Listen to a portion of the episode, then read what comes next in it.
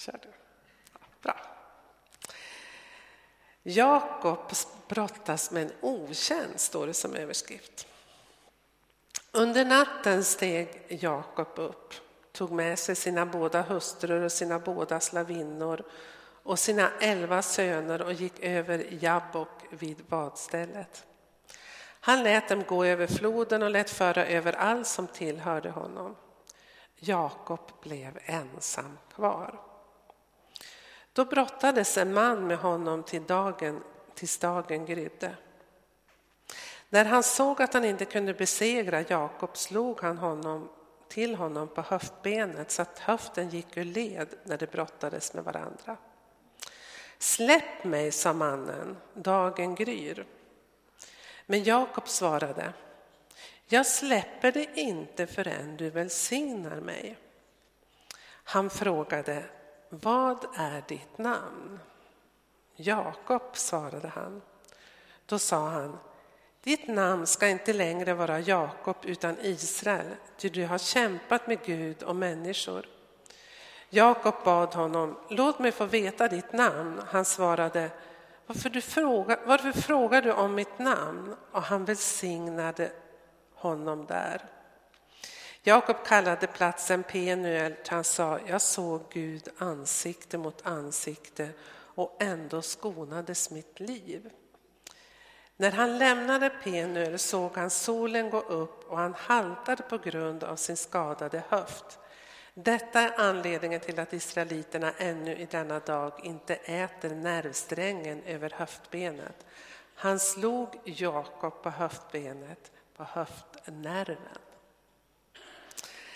Ja, det här är väl en intressant text, eller hur? Man kan ställa många frågor till den här texten. Var det verkligen Gud han brottades med? Eller vad var det för något som hände här? Nu låter det väldigt högt i hörlurarna. Jag vet inte om det ska göra det. Nej. Alltså ni som har tolkning har väldigt, väldigt högt på, tror jag, en del. Nu blev det bättre, tror jag. Tack. Jakob har här vid Jabboks vad ställe nått en punkt i sitt liv där han av yttre omständigheter tvingas möta sitt eget förflutna och därmed allt han hade burit på i sin egen ryggsäck. Han kan inte längre gömma sitt svek och sina mörka sidor och han kan inte heller längre bara leva på sin fars gudsrelation. Yttre omständigheter har fört Jakob till den här punkten där hela hans liv kommer att förändras. Och det förflutna har nu kommit ikapp honom. Man kan säga när han befinner sig där i Jabboks vad så drabbas han av ren dödsångest. Och det är på grund av att han, han vet att han kommer strax att möta sin bror Esau som har sagt att han ska hämnas honom för hans svek. Eh, vi kan ta, vi har inte fått upp någon bild än. Eller? Det strular. Ja, jag tänkte jag skulle visa hur det ser ut vid Jabbaksvad.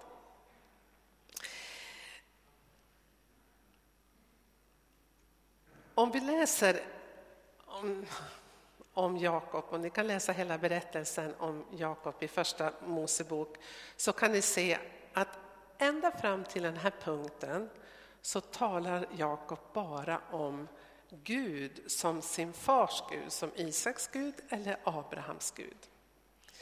Han talar inte om min Gud. Det är först efter brottningskampen med Gud som Gud blir Israels Gud eller Jakobs Gud och det är jätteintressant. Tron kan inte bara ärvas. För att den verkligen ska bli vår egen och verkligen betyda någonting för oss i vårt eget liv så tror jag att det krävs lite motgångar i livet och vi behöver ta tag och brottas med de här frågorna som vi ofta försöker tränga undan. Och ibland kanske vi till och med behöver brottas med Gud själv. När det här händer, det här är Jabboksvad, ja just det. Och med det vill jag säga att vi har, jag har varit i, i Jordanien tillsammans med några andra i vår församling. och som ni ser kanske det är inte en stor flod. Det var ett vadställe. Men i varje fall det var vatten där. Jag vet inte om det var mer vatten när Jakob gick över. Det var inte så mycket vatten när jag var där. Men det som gjorde mig förvånad var det att det var höga berg på sidorna och då tänkte jag oj då, han har ju flera, flera hundra, kanske tusen kor och getter och, och fyra hustrur, eller två hustrur och två bihustrur och elva barn och allting. Och den där skulle han ta över de här kullarna och så skulle han gå vidare. Ja, ganska fascinerande.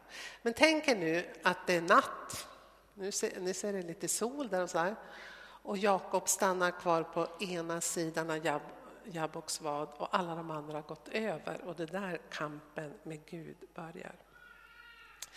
Vid det här tillfället så är Jakob i 40-årsåldern mitt i livet. Och min erfarenhet när jag har mött människor i olika situationer är denna att det går ganska bra att leva på föräldrarnas tro om man överlever de här tonårskriserna så kan man klara av att leva på föräldrarnas tro kanske upp till medelåldern. Men förr eller senare så prövas den ärvda tron, den tron vi har fått från våra föräldrar. En del tänker ju så här att ja, men det går ju bra för dig att vara kristen som är uppvuxen i ett kristet hem. Och ni kanske också har mött den frågan om, om ni har vuxit upp i ett kristet hem och man diskuterar med någon som inte har det och så tänker jag, men det är klart att du är kristen, du har ju vuxit upp i ett kristet hem. Men det är inte alls självklart att man bevarar sin tro bara för att man är uppvuxen i ett kristet hem, därför att tron prövas ju hela tiden. Den första stora prövningen den kanske är just i tonårstiden när man vill göra lite uppror mot föräldrarna och så. Men om, tron, om man har kvar tron där så har jag sett att nästa stora kris i livet ofta kommer någonstans i medelåldern och då kan ju det vara i 35, 40, 45, 50 års åldern. Därför att förr eller senare så kommer det som vi har tryckt ner i vårt eget inre, de här frågorna som vi kanske inte har tagit tag i, de kommer upp till ytan. Vi kan inte hålla undan dem hur länge som helst. Vi kan inte bara ärva tron, den måste på något sätt bli vår egen. Det kan också vara så att det som ofta gör att vi liksom börjar ifrågasätta vår barndomstro kan ju vara det att besvikelse drabbar oss i livet. Och det behöver inte vara stora besvikelser. Det kan bara vara det att vi tycker att livet inte alls har blivit som vi har tänkt oss. Eller som vi tänkte oss när vi var barn. Man har fått det där huset, man har köpt huset, man kanske har ett jobb, man har ett arbete, man har en familj, man har barn. Men det börjar knaka lite grann i relationen, äktenskapet. Barnen uppför sig inte riktigt som man vill eller också kanske man inte kan få barn. Eller det kanske man drabbas av ännu större lidande av sjukdom, svårigheter, arbetslöshet eller vad det nu är. Och då börjar man fundera, ja men jag är ju kristen, ska inte livet liksom Ska inte Gud välsigna mig? Ska det inte gå bättre än så här? Är ni med mig i tankegången? När de här besvikelserna kommer och man tänker, men var är du Gud? Sen är det många flera här som har drabbats av än mycket svårare saker, att tvingas fly från sitt eget land, att se anhöriga dödas och så vidare. Och då har man ju verkligen, då är det inte konstigt att frågorna kommer och man ställer sig, men var finns Gud? För Jakob var det så här att han hade burit på en kan man säga, ett svek, en livslögn under många, många år som han hade tryckt undan. Och nu, när han tvingas möta sitt förflutna, alltså sin bror som han har flytt ifrån, så kan han inte hålla undan det längre, utan det kommer upp till ytan. Och så kan det ju också vara. Det kan ju vara så att vi varit med om någonting i vår ungdom, i vår barndom, kanske någonting som vi har gjort som vi vet är fel, skärmen som vi har tryckt undan. Eller det kan också vara att andra har behandlat oss illa och vi har tryckt undan det. Men förr eller senare kommer ofta det som, det som göms i snö kommer upp i tö, finns det ett uttryck på svenskarna. Förr eller senare så kommer det fram. Och då ställs vi inför två valmöjligheter. Jag kommer att återkomma till det. Det ena är att vi vänder oss bort ifrån Gud i besvikelse. Det är ju ett sätt att göra. Nej, det här med Gud och kyrkan var ingenting, jag lämnar. Det andra är att vi gör som Jakob, att vi går i närkamp med Gud och börjar brottas för att få hans välsignelse. Bakgrunden till den här berättelsen, jag känner jag att vi har landat lite grann här. Det är att den är så här att Jakob han föddes som ett mycket efterlängtat barn. Han kom faktiskt som ett bönesvar, som de flesta barn, men det var bara att hans föräldrar hade fått bett betydligt längre. Hans mor Rebecka hade till slut gett upp, hon var helt förtvivlad för att det inte kom några barn i familjen. Men Jakob kom inte ensam, utan han föddes tillsammans med sin tvillingbror. Och Esau föddes först. Och det här var ju viktigt. Esau, hans tvillingbror, var den förstfödde.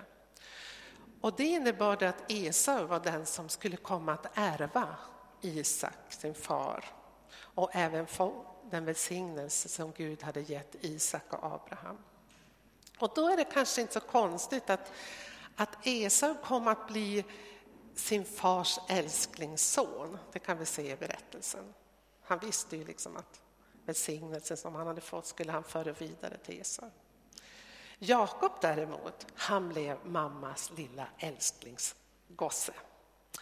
Och när man läser den här berättelsen så ser man att ja, det är ganska, vi kvinnor är ganska bra på att manipulera ibland och, och styra och ställa, för det är precis vad Rebecka gör i den här berättelsen. Jakob, om vi skulle ta nästa bild då. Jakob, namnet betyder den som håller i hälen. Och det syftar just på att han kom efter Esau. Vi vet inte om han höll honom i hälen, vi får väl hoppas att det var så, utan han kom i huvudet först. Men i varje fall, det kan också betyda den som bedrar, eller namnet betyder den som bedrar. Jakob bedragaren. Och det här kan vi när vi läser om Jakob se att det kommer att bli ett karaktärsdrag hos Jakob. Att han var den som gärna svek andra människor, ofta svek andra människor och bedrog andra människor och lurade till sig saker och ting som inte var hans. Och han var starkt påhejad av sin mor som förde fram sin son hela tiden. Du Jakob, det är du som ska ärva. Det är du som ska få den här välsignelsen. Jag ska se till, eller hur? Läser du berättelsen så är det Rebecka hela tiden som, eh, vad ska jag säga, jag hittar inte ord, som hejar på sin son. Det första Jakob gör det är det att han lurar till sig förstfödslorätten av Esau, alltså rätten att ärva sin far. Den förstfödde skulle göra det. Ni vet att han lurar till sig det. Och Esau verkar inte vara så rädd om det för han säljer förstfödslorätten för en linssoppa. Linssoppa, det verkar. Men det värsta av allt är det att sen så planerar Jakob tillsammans med sin mor att lura till sig välsignelsen som Isak egentligen skulle ha gett Esau. Jakob, ni vet, klär ut sig i Esaus kläder och går in till sin far som ser väldigt, väldigt dåligt och tydligen väldigt gammal, nästan blind. Och han lurar sin far till att tro att han är Esau. Därför att han vill få sin fars välsignelse. Den välsignelse som Abraham hade fått av Gud och som Abraham sen gav vidare till Isak och Isak skulle ge vidare till sin son. Och vid ett tillfälle i den här berättelsen så Isak han, han är ändå lite för fundersam för han, han undrar, är det verkligen Esau som står här framför mig? Så han säger till Jakob, är du verkligen Esau? Och Jakob är så fräck så att han mitt i pappas ansikte säger, jo, jag är Esau. Och det här är ju något ohyggligt, det skulle ju vara det om vi lurar vår egen far idag, men i den kulturen och på den tiden något förfärligt att man lurar sin pappa. Jakob gör det och det leder ju till att när att Ja, det leder för det första till att Isak lägger sin hand på Jakob och välsignar honom. Och den välsignelse som Abraham fått från Gud överförs då till Jakob. När Esau, hans bror, får veta av det här så blir han ju, ja kanske galen, men i varje fall vansinnigt arg. Och han tänker, jag kan inte döda min bror så länge min far lever, men vänta bara till min pappa har dött, då kommer jag hämnas min bror. Och när Rebecka får höra om hur Esau tänker, för ryktet sprider sig, då tänker hon, jag måste skydda min son. Så hon säger till Jakob att du måste fly till din morbror Laban. Men inte nog med det, hon, hon är så listig så att hon går till Isak och säger så här till Isak att du, jag är så less på de här kvinnorna som, som Esau gift sig med, de som finns här i landet. Jag tycker att vi ska skicka iväg Jakob bort till min, min bror Laban så att han kan gifta sig med en av sina kusiner. Och Isak kan tänka, ja men det är ju bra. Och han välsignar sin son och det är ju helt fantastiskt att Jakob välsignar sin son för vid det här tillfället så måste han ju vara fullt medveten om att Jakob hade lurat honom. Så Jakob lämnar sitt föräldrahem med sin fars välsignelse och sin mors välsignelse, men han flyr från sin bror Esau och hämnden. Men jag tror inte att varken Isak eller Rebecka tänkte att Jakob skulle vara borta i 20 år. Och jag tror inte att Rebecka sen någonsin fick träffa sin son. Däremot Isak lever när Jakob kommer tillbaka. Och sen händer det här när Jakob är på väg då till sin bror Laban som bor långt bort, morbror Laban som bor långt borta. Så en natt så lägger han sig för att vila och lutar sig mot en sten, precis som vi sjöng i sången. Och i drömmen så talar Gud till honom. Han får se hur Guds änglar stiger på en stege upp och ner till himlen. Och så talar Gud till honom och säger att, att han ska välsigna honom. Jag är Herren, din fader Abrahams Gud och Isaks Gud. Och marken som du ligger på ska jag ge åt dig och dina ättlingar. Och jag ska välsigna dig och vara med dig. Och då tänker jag så här. Här ligger Jakob som har bedragit sin bror på förstfödslorätten, som har ljugit och bedragit sin far och som på, på ett väldigt eh, fult sätt har tillskansat sig den här välsignelsen. Och vad gör Gud? Han välsignar Jakob. Ni som har läst den här berättelsen kanske många gånger, tänker ni på det? Har ni tänkt på det? Att det är egentligen ganska osannolikt. Man tycker hellre att Gud borde ha slagit ner på Jakob och sagt att nu Jakob, nu får du verkligen ta dig i kragen och, och ändra på det, annars kommer det att komma, jag kommer att straffa dig. Nej, han välsignar honom. Och då tänkte jag så här att det är ofta så Gud handlar i våra liv. Vi gör misstag, vi gör saker och ting som är fel. Och så tänker vi, nu kommer Gud att straffa mig. Nej, sen är Gud där med sin nåd och välsignar. Är det inte fantastiskt? Vi vet inte, man kan tänka sig att det var meningen från början att det var Jakob som skulle få den här välsignelsen. Jag är inte så säker på det, därför att Esau var den förstfödde. Men Gud välsignar våra misstag ibland. Det är så man måste läsa berättelsen tycker jag. Jakob på sin sida, när han vaknar ur drömmen och inser att han har sovit på helig mark, att Gud är där och att Gud har talat till honom, då säger han så här i slutet på kapitel 28. Han, ja, han säger, om Gud är med mig Gud har ju precis alldeles lovat att, att vara med honom. Om Gud är med mig och skyddar mig på denna färd och ger mig mat att äta och kläder att klä mig med så att jag kommer välbehåll, välbehållen hem igen, då ska Herren vara min Gud. Jag tycker det är ganska magstarkt av, av Jakob att säga så till Gud. Om du Gud välsignar mig som du har lovat, då kommer du att vara min Gud. Och då kanske vi tänker, vi som sitter här, ja men så skulle ju inte jag göra. Om Gud uppenbarat sig till mig i sömnen och lovar mig all världens välsignelser och framgång och att han ska vara med mig. Inte kommer jag det första jag tänker på morgonen, vakna upp och, och sätta upp ett förbehåll och säga att om Gud, om du är med mig, då först ska du vara Om du bevisar att du välsignar mig, då ska du vara min Gud. Jag tror inte att vi så ofta medvetet har gjort sådana uttalanden men jag har mött många människor som omedvetet tänker så. Och man kan tänka så i början av livet, att om Gud välsignar mig och är med mig, ja, visst då ska jag tro på Gud. Men så kommer motgångarna, svårigheterna, prövningarna och då tänker vi att nej, nej men varför ska jag tro på Gud? Varför ska jag vara trofast mot Gud? Varför ska jag hålla fast med honom när de här svårigheterna kommer? Känner ni igen det? Förstår ni vad jag tänker? Att vi egentligen väldigt mycket tänker som jag, fast vi inte så, är så medvetna om det. Ja, om vi går vidare så kommer Jakob så småningom då efter vandringen till sin morbror. Och vi kan ta nästa bild.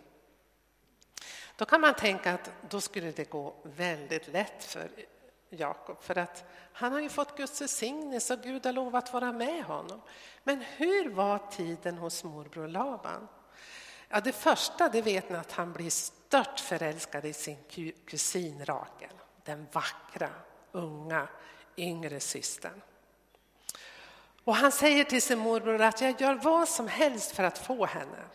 Och morbror säger, ja, om du jobbar sju år, sju år, så ska du få henne. Om vi tänker efter här nu då. Stört förälskad och så säger din svärfar sig, ja, men du får jobba åt mig i sju år. Du får vara ute och vakta fåren ute på fälten och skydda dem mot vilddjuren och det ena med det andra. Jag undrar hur vi skulle tänka. skulle vi tänka då att ja, Gud är med mig? Han låter allt gå mig väl i händerna. Nej, jag skulle nog tycka att det var lite jobbigt. Men Jakob, han, han tar det där. Han tänker sju år, det går ganska fort ändå. Så han jobbar på. Och efter sju år så, åh, han längtar efter den här dagen. Ni kan ju bara tänka vad han längtar efter den här dagen och efter bröllopsnatten. Ja, men vad händer på bröllopsnatten? Jo, när han vaknar upp så ser han att det inte alls Rakel som ligger i sängen utan Lea, stora systern som han inte alls ville gifta sig med. Alltså han blir lurad, grundlurad själv av sin egen morbror. Var finns Gud i den här situationen? Var finns välsignelsen? Det kan man ju undra. Som tur är så säger morbror då till honom att ja, du behöver inte vänta sju år till innan du ska gifta dig med Rakel utan du behöver bara vänta en vecka och sen kommer ni, du får gifta dig med Rakel. Men sen måste du jobba sju år till. Alltså 14 år var han tvungen att slava för sin morbror, eller bli svärfar, för att få Rakel. Och inte nog med det, så när de väl har gift sig, han har nu två hustrur, så visar det sig att Rakel är ofruktsam. Åren går, det ena året efter det andra och Rakel får inget barn. Och hon blir bara mer och mer och mer förtvivlad och man kan tänka att det, det tär på äktenskapet. Gud välsignar inte dem med några barn. Men Lea, hon föder den ena sonen efter den andra och Rakel blir bara ännu mer och mer svartsjuk och ännu mer och mer irriterad. Och ni vet historien, jag behöver inte gå in på det. Var fanns Gud? Ja, till slut efter många år så får de älsklingssonen Josef. Men Jakob, han är inte sämre än sin morbror, utan han tänker att jag ska då minsann se till att jag får lön för mödan jag också. Så han lurar till sig i stort sett hela Labans förmögenhet. Vilket gör att Labans söner börjar ana oråd och börjar liksom tala illa om, Josef, nej, om Jakob. Och det leder till att Jakob blir tvungen att fly med hela sin stora familj, elva barn, två hustrur, två bihustrur och då hela sin stora rikedom med flera, flera hundra, ja kanske tusen djur eller mer fly från sin svärfar. Och Herren, Gud, säger väldigt tydligt till honom att nu ska, är det dags för dig att vända tillbaka till dina fäders land och din släkt och jag ska vara med dig. Och det är då, på vägen tillbaka hem, som Jakob inser efter 20 år sedan tvungen att möta sin bror Esau som han vet är jättearg och hämndlysten. Och det han gör det är det att han sänder bud till Esau och det lustiga är att han berättar, med det här budet så säger han åt budbäraren att du ska berätta för Esau hur, hur, Gud har varit med mig, hur han har välsignat mig, jag har fått massor, jag har massor med djur och, och jag har många barn. Och, ja, riktigt sådär, han, han, han riktigt breder ut precis hur Gud har välsignat honom. Han kanske vill imponera på Esau. Men Esau skickar tillbaka en budbärare och säger att jag kommer emot dig med 400 män alltså krigsmän. Då blir Jakob rädd. Och, men han är väldigt för, ja, företagsam. Han tänker så här, hur gör jag nu? Jo, jag delar upp allt det jag äger i två delar. Så om Esau får tag i den ena, hälften av det jag äger, så kanske jag har kvar det andra. Det är det ena. Sen gör han en annan sak. Han, skick, han delar upp Eh, gåvor. Han tänker att han ska blidka Esau, så han skickar iväg 200 getter och 40 kor och 20 baggar i en omgång som ska möta Esau. Och säger att det här är från Jakob. När han frågar vad är det här? Ja, det här är gåvor från mig. Och så skickar han lika mycket en andra gång som ska komma en bit efter och så skickar han lika mycket en tredje gång. Verkligen för att blidka Esau. Och så det sista han gör är det att han tar hela sin stora familj, alla barn, slavinnor, allting och så för han dem över den här Jabboks vad. Så att han skickar allt det han äger framför sig och sina barn och allting och så blir han ensam kvar på andra sidan Jabboks vad. Och det kan man ju också tycka liksom, jaha, varför skickar han allt det andra framför sig och, och han är liksom längst bak, längst ifrån Esau själv. Ja, det, jag tycker att det verkar lite tve, eh, eh, så fegt. Men i varje fall, där, när han nu är ensam kvar, som det väldigt tydligt betonas i den här texten som vi nyss har läst. Då kommer han dödsångesten, tror jag, över honom. Han är fullständigt livrädd för sitt liv. Och jag tror att dödsångesten också blandas med hans skuld till Esau och hans egen far. Och där i den här natten så inser han, fram till dess har han gjort väldigt mycket själv, precis som han tycker, men nu inser han att nu är jag helt och hållet beroende av att Gud ska skydda och bevara mig. För om han inte gör det så kommer inte det här att gå väl. Och han ber en bön till Gud som är väldigt ödmjuk i början av kapitel 2, vers 9. Han säger så här till Gud, jag är inte värd alla dina välgärningar och all den trofasthet du har visat mig. Jag äger inte mer än min stav när jag gick över jorden.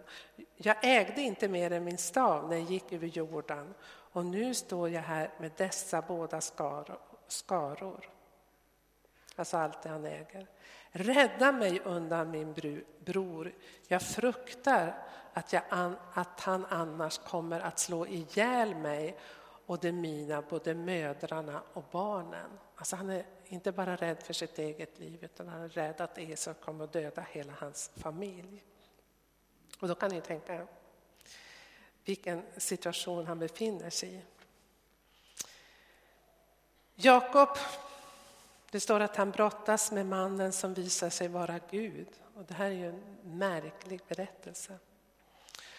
Och Jakob brottas med Gud hela natten. Han ger sig inte, han håller fast vid Gud. Han säger att jag släpper dig inte förrän du välsignar mig. Han ger inte upp. Och då ställer Gud den här frågan han säger, vad är ditt namn? Och jag tror, jag är inte hundra procent säker, men jag tror att när Gud ställer den frågan till Jakob, då kommer Jakob ihåg att hans far långt, långt tidigare, mer än 20 år tidigare, har ställt samma fråga. Är du verkligen Esau? Vem är du? Men nu står Jakob inför Gud och då kan han inte ljuga. Så han säger, jag är Jakob. Och det är detsamma som att säga, jag är Jakob, bedragaren. Men då händer det fantastiska att Jakob får ett nytt namn av Gud.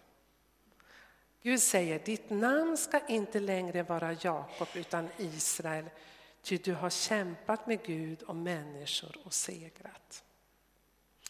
Och från denna stund så kallas judarna, av, judarna Abrahams ättlingar för Israels barn. Och det betyder det folk som kämpat med Gud och människor.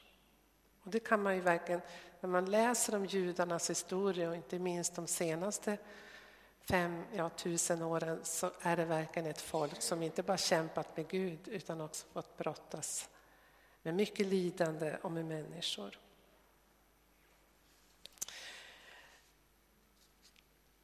Men Jakob går också märkt ifrån det här mötet med Gud. Han blir slagen, får ett slag på häften som gör att han haltar. Ja, för att gå vidare i den här berättelsen så sen så kommer Esau och då möts bröderna och Esau hämnas inte, han slår inte ihjäl honom utan det verkar som att de nästan försonas. Men Esau han säger, kan vi inte dra vidare tillsammans? Kan vi inte fortsätta tillsammans du och jag? Men Jakob han är tveksam, han vågar inte lita på sin bror än. Utan han säger så här, men gå före du så kommer jag efter.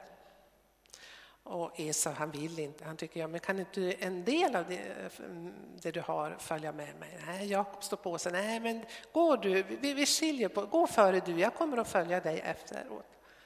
Men följde Jakob sin bror Esau? Gör han som han säger?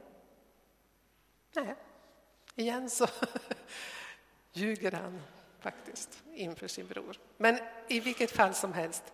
Sen när Jakob han beger sig till Sukkot och sen så beger han, eh, beger han sig till en stad som heter Sekim i Kanans land och där bygger han ett altare och, och det altaret kallar han El är Israels Gud.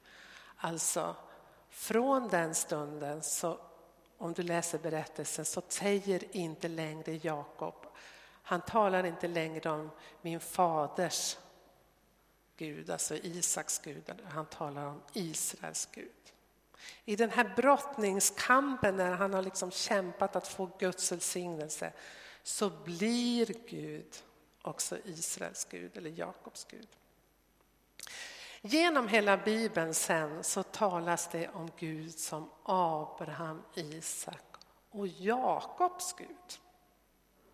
Alltså det här Jakob-namnet finns kvar. Och det tycker jag är ganska fantastiskt. Det talar någonting om Guds nåd och barmhärtighet och kärlek. Alltså det är inte fullkomliga människor som bara Gud bryr sig om, utan Gud bryr sig om helt bristfälliga människor. För det är de här tre patriarkerna i allra högsta grad, helt vanliga människor och inte minst Jakob. Nu ska jag börja randa, eh, runda av här och ställa frågan till oss. Vad kan den här berättelsen lära oss? Vad är det för någonting som du bär på i din ryggsäck? Av obearbetade frågor? Är det kanske som Jakob svek mot andra som du bär på? Eller att du har blivit sviken? Vad är det för lidande, svårigheter? som du har tryckt under ytan. Och då är frågan, hur kommer du vidare i livet? Ja, du har två val, jag säger det igen. När man drabbas av svårigheter, lidande av olika slag, så kan man välja att vända Gud ryggen, fortsätta att trycka ner de här frågorna, trycka undan de här svagheterna som man har, inte erkänna dem inte vilja säga som det är. Eller också kan man välja en annan väg, att gå in i en närkamp med Gud. Precis som Job, Job som vi kan läsa om i Jobs bok, eller som Jakob. Du kan ju naturligtvis välja att brottas med Gud i din ensamhet. Att sätta dig ner och tala med Gud och säga precis som det är, det här och det här och det här har jag svårt med. Gud, varför svarar du inte på bön? Alltså, och vi behöver, tror jag, göra det uttrycket. Vi kan gå ut i skogen och skrika ut vår förtvivlan eller i vår ensamhet. Vi kan verkligen tala med Gud om allt. Men det kan också vara, och det är väldigt bra att söka hjälp, att kanske inför någon annan berätta om din brottningskamp, vad det är för något som är jobbigt i ditt liv.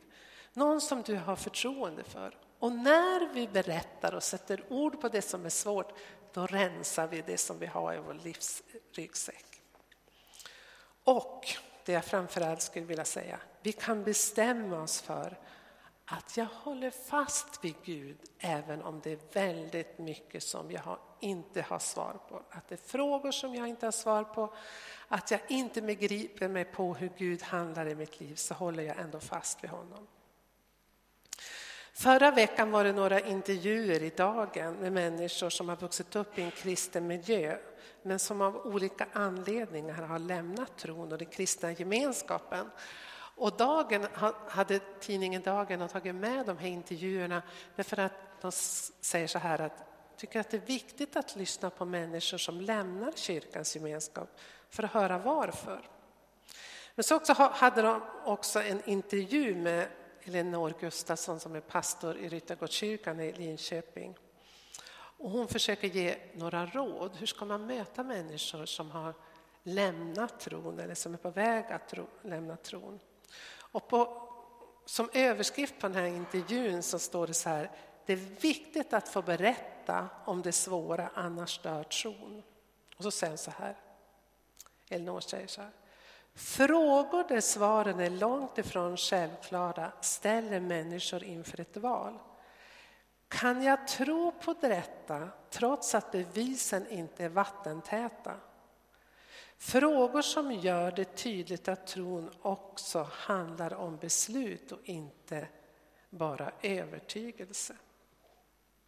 Det här tyckte jag var en så bra formulering.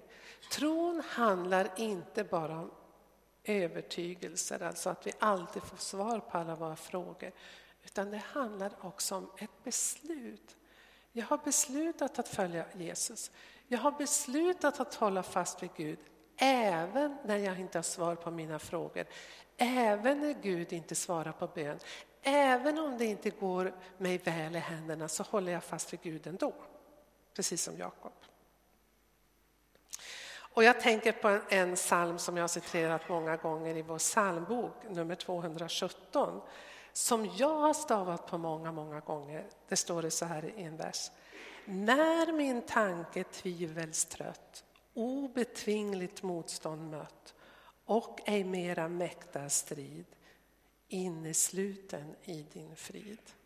Alltså jag har själv upplevt att man har fått stångas mot Gud. Man har bett om ett bön, man har bett om någonting man inte fått eller man har inte förstått varför Gud har gjort eller varför inte Gud har beskyddat en från olika saker, svårigheter och lidande. Man kan känna det som man har slagit på en stängd dörr. Man slår och slår och slår och slår och det händer ingenting. Och min erfarenhet är att slut, vi, vi, ska slå på den här dörren. Det är bra för oss att slå på dörren. Det är bra att brottas med Gud. Men sen kan man komma till en punkt där man säger att nej, Gud, jag slutar brottas. Jag, jag lämnar de här frågorna till dig. Jag vet att jag inte kommer att få svar. Jag ber bara, ge mig frid. Även om inte jag har svar på alla frågor och alla varför så får jag bara be att du ska ge mig frid att acceptera saker och ting är som det är. Är ni med i hur jag tänker? Nu ska jag avsluta med att vi, jag tänkte att vi tillsammans ska sjunga en sång. Jag har den inte på väggen, men jag är säker på att ni kan den, flera av er. Och det är den här sången. Ni får gärna sjunga med. Prövningar vi möta få och vi ofta ej förstå Herrens vägar när han önskar att vi himlen skola nå Sina barn han leder här genom sorger och besvär. Vi förstår hans vägar bättre ovan där. Oh, randas morgonen och där hemma samlas helgonen. Vi ska då förtälja om vår resa här.